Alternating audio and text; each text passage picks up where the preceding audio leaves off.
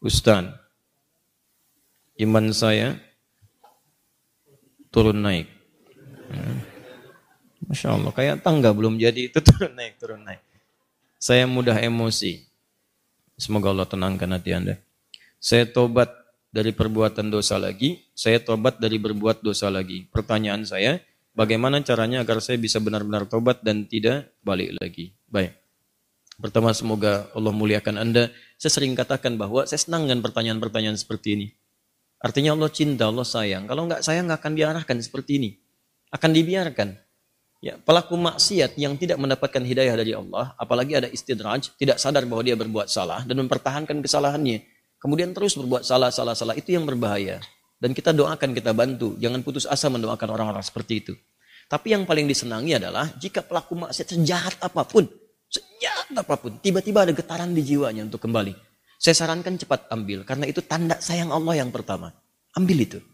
Saya sering katakan pada Anda, Allah sangat mencintai pelaku maksiat yang tobat dibandingkan orang soleh yang tidak pernah merasa salah. Dalilnya Quran surah kedua Al-Baqarah di akhir ayat 222. Inna Allah yuhibbut tawabin. Allah sangat cinta orang yang selalu untuk berusaha tobat.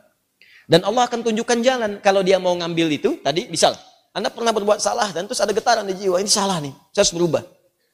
Ini petunjuk Allah, Anda ambil tuh.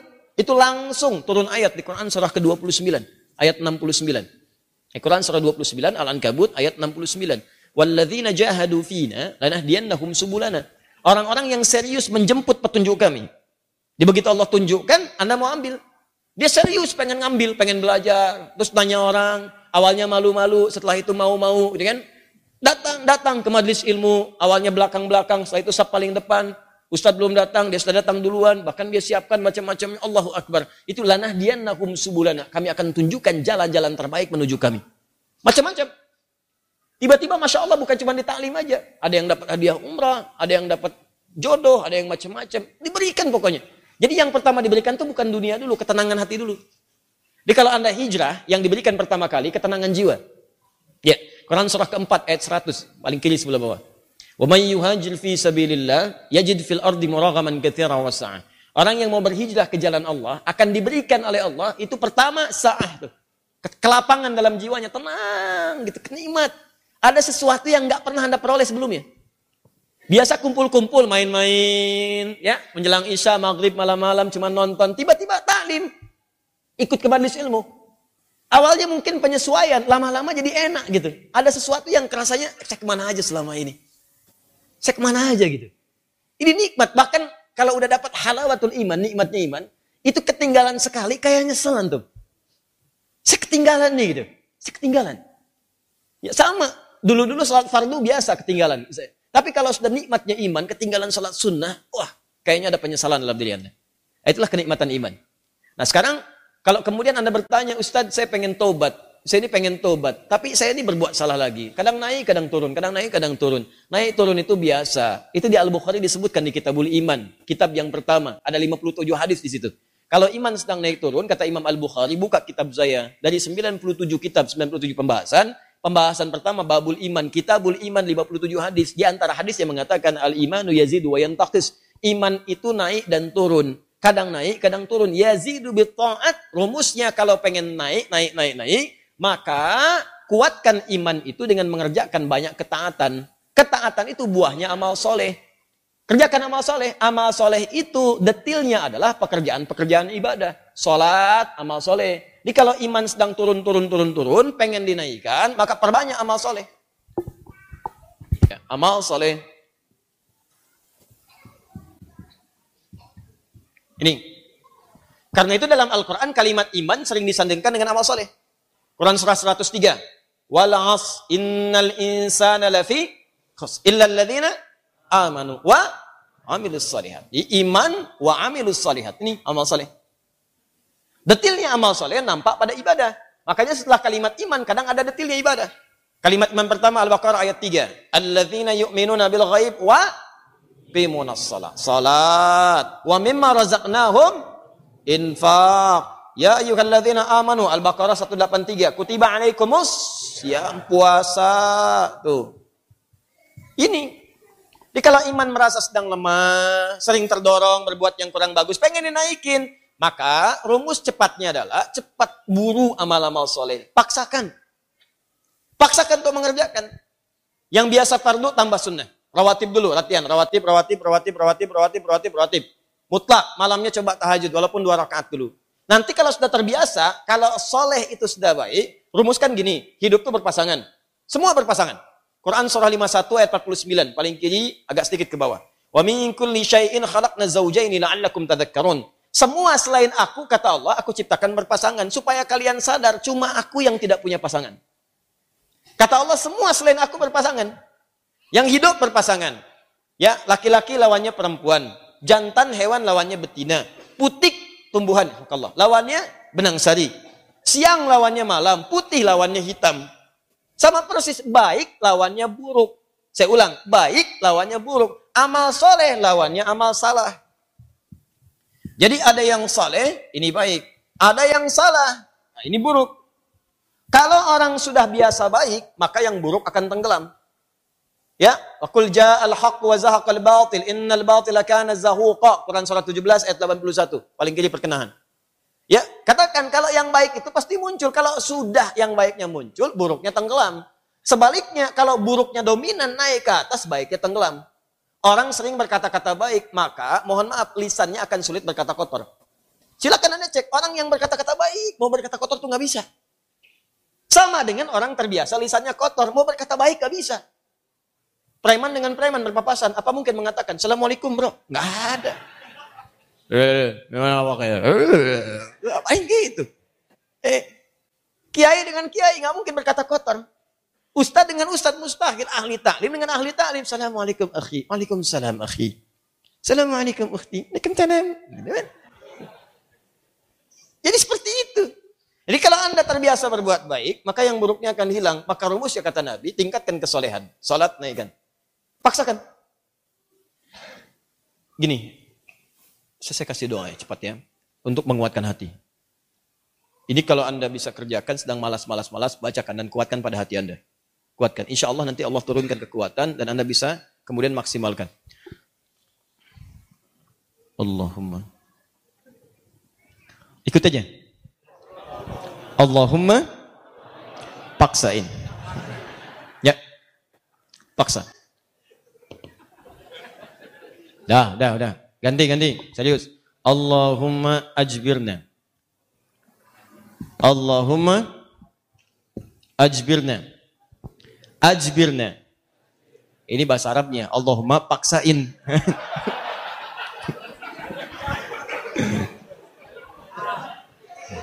ya. Paham? Ah, ditingkatkan, naikin salat, salat, salat, salat, salat, salat, mulai dari salat. Nah, kemudian ini penting salat itu yang paling utama karena dalam salat itu banyak kalimat tobat, banyak kalimat tobat. Antum baru takbir aja, habis takbir kan tobat. Coba lihat. Allahumma ba'id baini wa baina ya kama ba'adta bainal masyriqi wal Ya Allah, mohon jauhkan antara aku dengan kesalahan yang telah aku perbuat. Sejauh-jauhnya Aku nggak ingin lihat lagi. Seperti engkau jauhkan antara timur dengan barat. Jauhkan ya Allah yang tidak pernah bertemu. Allahumma naqqini minal khataya kama yunaqqa thawbul abyadu minad danas. Ya Allah kalau kesalahanku begitu pekat, mohon bersihkan seperti pakaian dibersihkan dari noda.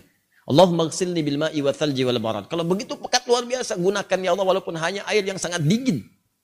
Gunakan ya Allah. Maksudnya bersihkan sebersih-bersih. Antum tobat. Makanya pahami bacaan-bacaan sholat. Sama dengan wajah tu wajah tu wajah alladhi fatara samawati wal ardu hanifan muslima wa ana minal musyrikin. Inna salati wa nusuki wa mahya wa mamati lillahi rabbil la syarika lahu bidzalika umirtu wa ana minal muslimin atau wa ana awwalul muslimin. Ya Allah, aku pasrahkan diriku sepenuhnya pada saat ini kepada penguasa langit dan bumi. Kalau aku salat selama ini atau aku ibadah ya Allah, atau aku hidup sampai dengan sekarang, atau engkau bahkan wafatkan aku dalam salat ini. Engkau wafatkan aku dalam salat ini. Aku ikhlas ya Allah. Aku ikhlas. Berikan bimbingan kepadaku untuk meningkatkan ibadah. Dengan itu aku diperintahkan. Jauhkan dari sifat musyrik. Mulai sekarang aku berjanji ya Allah, aku akan lebih patuh kepadamu. Mulai sekarang aku berjanji aku akan lebih patuh kepadamu. Wa ana minal muslimin. Muslim itu kan patuh, tunduk, patuh. Jadi kalau anda mengatakan kalimat itu habis sholat berbuat maksiat lagi, anda berkhianat dengan kalimat anda. Makanya sering katakan pahami bacaan sholat, pahami, pahami. Anda akan mengerti betapa nikmatnya sholat ketika Anda memahami bacaan-bacaannya. Itu kalimat pertama. Kemudian di luar-luar itu Anda beristighfar. Makanya habis sholat kan Anda berzikir. Quran surah keempat ayat 103. Paling kanan, agak sedikit ke atas. Fa'idha qadaitumus salata, maka jika anda selesai menunaikan salat, fadhkurullaha, maka segera berzikir kepada Allah. Apa zikir pertamanya? Hadis muslim, nomor hadis 571. Astaghfirullah, astaghfirullah, astaghfirullah, Allahumma antas salam, wa minkas salam, tabarakta ya jalali wal ikram. Astaghfirullah, itu ya Allah saya minta ampun, ya Allah saya minta ampun. Kalau dosa merasa banyak, dalam salat bersujud, dalam ruku minta, masih kurang merasa banyak dosa. Habis sholat minta ya Allah ampuni saya ya Allah. Ampuni. Saya merasa dosa saya banyak. Saya mengakui dosa saya banyak ya Allah. Namun saya pun menyaksikan rahmatmu lebih luas dibandingkan dengan murkamu. Maka mohon ya Allah ampuni dosa saya. Makanya saat diucapkan itu sambil ingat dosanya. Bukan cuma di lisan. Ingat dosa-dosa apa yang pernah dikerjakan. Ingat. Ingat. Itu yang dimaksudkan Quran surah ke keempat ayat 17 sampai 18. Innamat taubatu 'ala Allahi lilladzina ya'maluna su'an bijahalatin thumma yatubuna min qarib. Sungguh tobat yang diterima oleh Allah itu adalah orang yang pernah berbuat salah. Salah. Salah itu bawaan manusia. Jadi kalau anda nggak pernah salah, patut ditanya anda itu manusia apa malaikat? Cuma malaikat yang nggak pernah salah. Quran surat 66 ayat ke-6 paling kiri sebelah atas. La ya'sunallaha ma amarahum wa yaf'aluna ma yu'marun. Malaikat nggak pernah salah. Nggak pernah bermaksiat mengerjakan tugas sesuai tupoksinya. Nggak pernah bermaksiat. Apa pernah anda dengar malaikat Jibril korupsi ayat? Nggak ada. Apa pernah malaikat sering tukeran tugas? Gak ada. Jibril, sini. Kenapa? Saya jengkel banget sama orang itu. Ente yang cabut nyawanya deh. Kata malaikat maut, gak ada. Semua sama sesuai tugasnya masing-masing. Jadi kalau Anda mengharapkan kesempurnaan dari seseorang, percuma. Karena Anda manusia. Sama persis dengan pasangan hidup. Kalau Anda mengharapkan suami Anda sempurna, Bu, Ibu salah nikah. Harusnya Ibu cari malaikat. Cuma malaikat gak punya nafsu. Jadi kalau ada suami salah, wajar namanya manusia. Jangan diekspos kesalahannya. Demikian juga istri kalau keliru, wajar namanya perempuan manusia. Kecuali malaikat. Papa kenapa sih gak pernah mengertiin aku? Mama, papa ini manusia, bukan malaikat. Mama ini. Mama juga bukan setan kan? kalau setan sebaliknya. Selalu kenal salah, nggak kenal benar. Dan setan gak mau tobat. Manusia pertengahan salah dan tobat. Setan salah gak mau tobat. Jadi kalau ada manusia mengatakan dirinya manusia salah, gak mau tobat, patut ditanya dia manusia atau itu. Paham ya? Tobat, tobat, tobat itu terus. Makanya disebut tawab. Tawab itu gak berhenti. Jadi kalau sekarang belum kerasa perubahan dia, terus tobat, jangan berhenti. Terus tobat. Misal sekarang tobat nih, masih berulang, tobat lagi terus, jangan berhenti. Sampai Anda merasakan bahwa perbuatan itu buruk dan membencinya. Terus, jangan berhenti. Jangan terus tobat, nangis. Hari ini nangis, gak bisa, besok nangis. Gak bisa, besok nangis. Gak bisa lagi tangisi diri Anda yang belum bisa menangis. Terus. Dan kalaupun Anda wafat, Anda sedang dihitung wafat dalam keadaan berusaha tobat. Itu poinnya. Bukankah ada orang membunuh 100 orang dan dia berusaha tobat? Dia berusaha tobat, datang ke majelis ilmu. Berusaha, berusaha, berusaha di jalan wafat. Dihitung oleh Allah. Padahal belum tahu dia diterima atau enggak tobatnya. Belum tahu dia. Cuman dia berusaha di jalan mewujudkan tobatnya. Bunuh orang Anda bayangkan. Maksiat itu udah hatam. Udah hatam. Udah lewat bahkan. Ya. Dia kerjakan, tapi dia mau tobat. Dia terima getaran jiwanya. Datang, datang, istighfar, istighfar, istighfar. Di jalan meninggal. Diterima tobatnya. Dan kita tidak tahu pelaku maksiat mana yang saat wafat dalam keadaan tobat. Ya, makanya ayo biasakan tobat. Istighfar. Nabi aja biasa istighfar. Nanti kalau sudah enak ada kelapangan. Setelah itu baru diberikan anugerah-anugerah dunia yang dirasakan hilang itu. Awal-awal tuh begitu Pak. Kadang pengen tobat. Saya pengen tobat ya Allah ke masjid. Sholat. Dua rakaat tahiyatul masjid. Pulang sepatu hilang. Ya. Kadang-kadang begitu. Karena Allah kalau sudah senang dengan seorang hamba. Yang kurang baik dibuang-buang. Buang-buang, buang-buang. Nanti didatangkan lagi yang baik. Kalau anda sabar. Ya. Kan pernah ada seorang ini kesannya tak seorang pemuda tobat. Terus diarahkan pada seorang syekh. Begitu diarahkan di Syekh itu, kata Syekh ini benar kamu mau tobat. Kalau mau tinggal dengan saya, saya terbatas. Yang ada cuma kurma, minum air putih. Gak apa-apa Syekh, saya mau tobat. Tinggal di situ. Sehari, dua hari, tiga hari. Begitu tiga hari, setan datang. Kadang-kadang setan itu datangnya kepada orang tobat gak seketika. Nanti, beberapa waktu, diarahkan kepada maksiat. Ya, ini kisah nyata. Setan membisikkan kepada dirinya, guru kamu ini, syekh kamu, ini sabar banget makan cuma kurma, air putih. Kamu sudah mulai kuat. Coba berbakti kepada gurumu, carikan makanan. Bagus awalnya. Keluar dia, carikan makanan. Begitu keluar, nyari-nyari nggak dapat, lompat tetangga, bakat malingnya dipakai lagi. Naik bakat pencurinya. Nggak dapat, lewat lagi, begitu rumah kedua, belum manjat, sudah mencium bau enak, bau makanan. Manjat dia ke atas tembok, begitu manjat, lihat ada tungku, ya. Di situnya di atasnya kemudian ada satu uh, panci, ya. Kemudian dia ke situ, begitu dibuka, Allahu Akbar. Tiga terong, enak banget kayaknya, baunya, yang sudah matang. Ya dibisikkan ke telinganya, coba dulu aja. Kalau enak, ambil. Berikan kepada gurumu. Syekhmu kan orang terkenal di sini. Kalau cuma ngambil dikasih tahu buat gurumu, pasti orang paham. Tuh, kadang-kadang begitu tuh. Mangga itu ambil aja kalau ditanya buat Ustadz Hadi. Awas suami-suami itu. Papa lagi di mana? Sama Ustadz Adi. Nah, hati-hati itu. Kalimat-kalimat. Padahal enggak misalnya kan. Baik. Nah begitu proposalnya tuh. Akhirnya dia coba dikunyah. Begitu dikunyah kemudian, nah karena dia sudah tobat, itu ada petunjuk di hatinya. Jadi kalau orang sudah bersih itu kemudian berbuat maksiat, nanti ada yang namanya burhan, burhan mirabi. Ya petunjuk Allah seperti Nabi Yusuf menerima burhan, ini salah. Ya cahaya kebaikan yang diberikan oleh Allah kepada seseorang yang tergerak berbuat maksiat, di hatinya mengatakan jangan lakukan itu salah. Nah dia begitu, jangan lakukan itu keliru itu salah. Begitu mendengar suara tadi dia muntahkan, ini kisahnya tadi muntahkan seketika. Dan dia lari, dan dia ingin ceritakan kepada gurunya bahwa dia telah berbuat salah. Dia pengen dituntun salah saya, salah saya, saya pengen tobat. Balik lagi. Begitu balik lagi ke tempat gurunya, kadar Allah begitu pulang ke masjid gurunya, ternyata gurunya sedang berhadapan dengan seorang perempuan. Di luarnya ada bapaknya nunggu, seorang laki-laki tua. Begitu sedang berhadapan lihat anak muda tadi dipanggil, ya bunaya ta'ala, anak sini, anak, anak sini, sini, sini. sini. Ya, begitu datang, diceritakan sama gurunya, ini ada seorang perempuan datang pada saya, dia baru ditinggal wafat oleh suaminya, selesai masa iddahnya. Dia datang pada saya untuk dicarikan jodoh. Saya tawarkan pada kamu, mau engkau menjadi jodohnya? Nah. Kalau anda dalam situasi seperti itu tuh, wah, udah datang mau taubat, masuk masjid ada durian, tuh kan? Wah, perempuannya cantik, tinggal wafat kemudian oleh suaminya, belum ada keturunan dan seterusnya, baru aja menikah, selesai masa iddah, ditawarkan pada anda, mau nggak? Nah, Lalu laki-laki ini berkata, guru, saya khawatir tidak bisa memberikan apa yang membutuhkan. Saya saja ke sini numpang. Apa jawab gurunya? Kamu gak usah khawatir. Dia diwarisi harta yang sangat banyak. Dia ke sini hanya mencari pria soleh yang ingin jadi suami yang mampu membimbing dia ke surga. Kira-kira kalau ada jawaban seperti itu, apakah Anda bersedia atau tidak menolak sama sekali?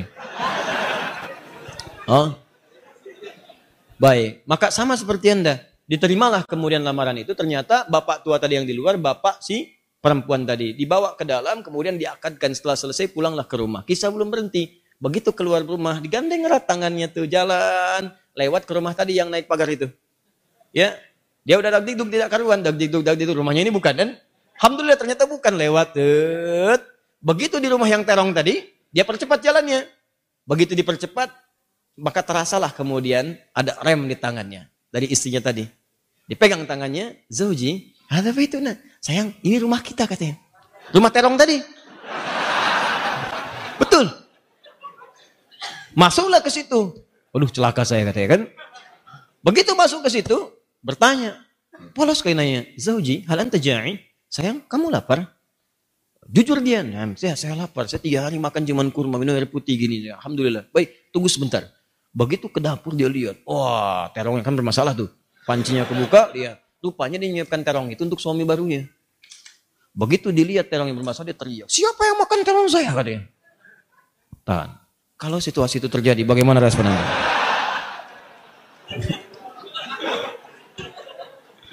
Jangan bilang itu kucing. Huh? Ah. Lalu tiba kemudian tergeraklah hatinya datang. Perhatikan kalau rumah tangga seperti ini nikmat kehidupan dunia tuh. Ya, tidak akan terjadi perang per dunia pertama, kedua, ketiga, dan seterusnya. Lihat baik-baik. Datanglah suami ini mengatakan dengan jujur, Zauji, sayang. Ini di, di Quran tuh gini, selalu laki-laki perempuan tuh zauj, zauj, zauj, zauj. Kecuali dalam masalah nanti warisan menggunakan zaujah untuk menunjuk kepada gender perbedaan hak waris. Zauji, sayang.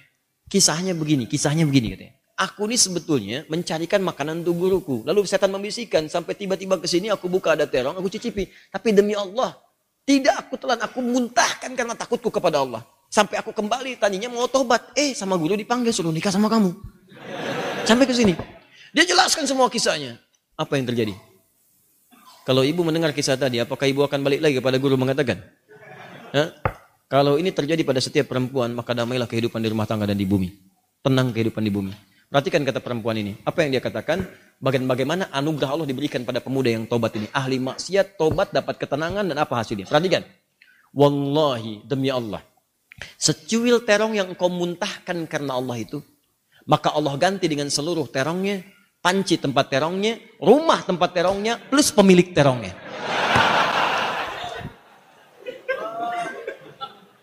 Wallahi secuil terong yang kau muntahkan karena Allah itu, maka Allah ganti dengan seluruh terongnya, panci tempat terongnya, rumah tempat terongnya, plus pemilik terongnya. Coba lihat. Pulanglah dari sini cari terong. Ya, tobat, tobat, tobat, tobat, tobat, tobat, tobat, tobat, tobat.